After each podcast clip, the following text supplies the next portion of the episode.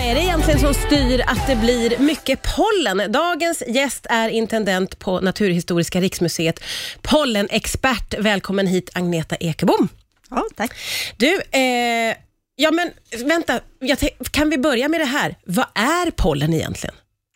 Ja, men pollen är ju det, är ju det som, som står för eh, pollineringen, alltså befruktningen, så att det blir frön sen. Då. Så de här flyger ju runt i luften Ja. eh, och ska ju träffa på, kommer ju från hanblomman och ska träffa på honblomman då, för, för att befruktningen ska ske och att det ska kunna bli en frukt. Just det.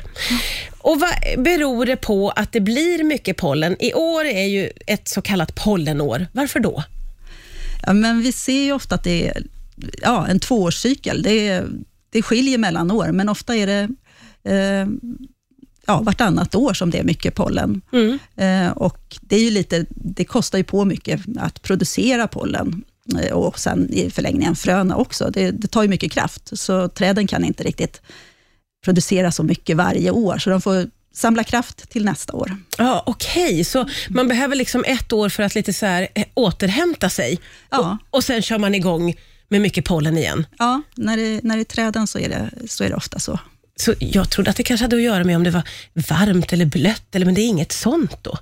Sånt spelar ju in också, men om man i grunden har den här tvåårscykeln, så sen kan ju vädret spela in också. Det kan ju, alltså själva produktionen är ju en sak, men sen hur spridningen blir under en speciell säsong, det, det är såklart väldigt väderberoende. Ja, just det. Och då förstår man ju att det finns massa olika pollen. Vilka är det vi har att göra med här i Sverige, skulle du säga? Ja, men alla växter har ju pollen, men de som vi ja, blir allergiska mot, det är ju de som sprids med vinden, alltså pollineras med vinden. Så de eh, blommor som in, pollineras av insekter, där bin och, och andra insekter då står för pollineringen och flyger runt, bär på de här pollenkornen, eh, de är ju inte någonting som orsakar allergi i så stor utsträckning, utan det är ju de här som producerar mängder med pollen. Ett enda björkhäng, björkhänge kan ju innehålla ja, fem miljoner pollen. Ja. Och det flyger ut, sprids liksom eh, bara fritt i luften. Ja. Och då hamnar det också i våra ögon och näsar och sådär. Ja, just det. Där det inte är ämnat. Och det, eh, det finns olika perioder då där, där pollen är mer aktivt, eller är det så det funkar? Alltså, Ja, men de har ju sin specifika blomningsperiod, då, ja. Eh, de olika växterna. För jag minns att i vintras så snackades det plötsligt, jag tror det var i november, att folk sa nu kan man märka av pollen igen och det tyckte jag lät alldeles oerhört. Vad var det? Ja, men det var ju så varmt hela förra året och, och också då i, ja, på vintern. Eh, Så då var det hasseln som tjuvstartade. Hasselbuskar som normalt blommar i februari-mars eh, blommade då redan i november. Ah. Och det har vi sett, ja, blomning i december och kring jul och, och sådär, det händer ju. Då är det enstaka buskar som, eh, ja, men som sätter igång, tjuvstartar lite grann. Men, Ja, ja, ja. men nu var det ovanligt tidigt då, redan i november, som Ja, det. blommade. Ja, så pass ovanligt att jag kommer ihåg det till och med. Det här är ju då ett pollenår. Nu har vi fått lära oss att varannat år ungefär är pollenår, för eh, träd behöver tid att återhämta sig. Eh, men i år så är det ju det är lite av ett samtalsämne, eh, det här med att man känner av.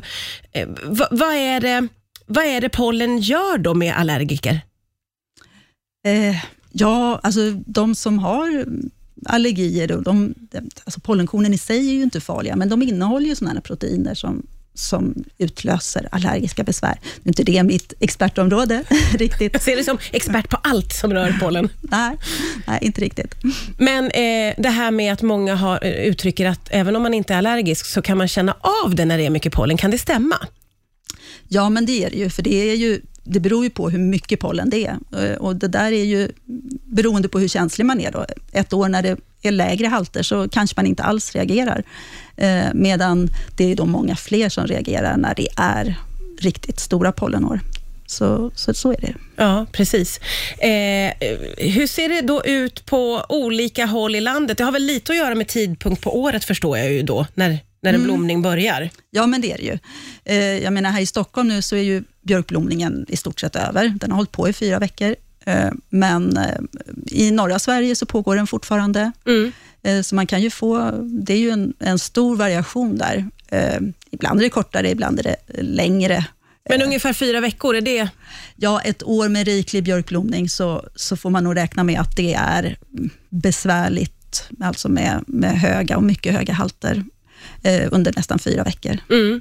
Eh, och, och hur länge liksom blommar allting? Allting blommar inte samtidigt, utan det pågår ändå under en lång period. Ja, de olika arterna Ja. som man framförallt är allergisk mot, då, hassel som vi nämnde, är ju tidigt. Eh, även al, som vi hade jättemycket av i år, jämfört med ingenting året innan, eh, blommar ju i februari-mars. Och sen eh, är det ju olika eh, av de här träslagen som man är allergisk mot, men det är ju björk framför allt, och den ligger ju blomningen ja, från mitten av april. Vi hade 15 april så startade blomningen här, Mm. här omkring och en månad senare nästan då i, i norra Sverige. Men du menar att eh, klimatförändringarna har redan påverkat det här med hur tidigt pollen kommer igång? Ja, vi ser ju att det blommar allt tidigare. Eh, det, björken för 30-40 år sedan blommade ju inte i slutet av april som den gör nu, utan det var ju nästan två veckor senare. Så björkblomning och lövsprickning, där ser man en, en markant skillnad. Att det kommer igång tidigare helt enkelt. Mm. Det finns ju otroligt många olika pollen då och eh, många har ju nu uppmärksammat att det, det finns ett tjockt gult lager av pollen, både på bilar och utemöbler och jag vet inte allt. Vad är det för någonting då? Ja, men det är pollen från våra barrträd, så det är granpollen och tallpollen.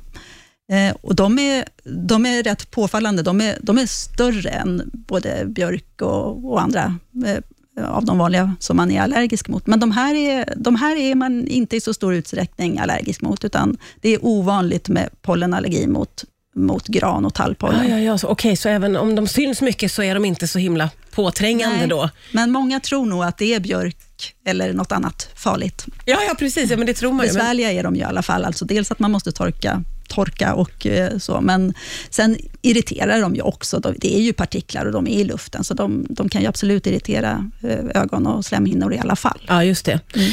Eh, finns det några sätt att undvika pollen eller är det omöjligt? Ja, men det är ju svårt.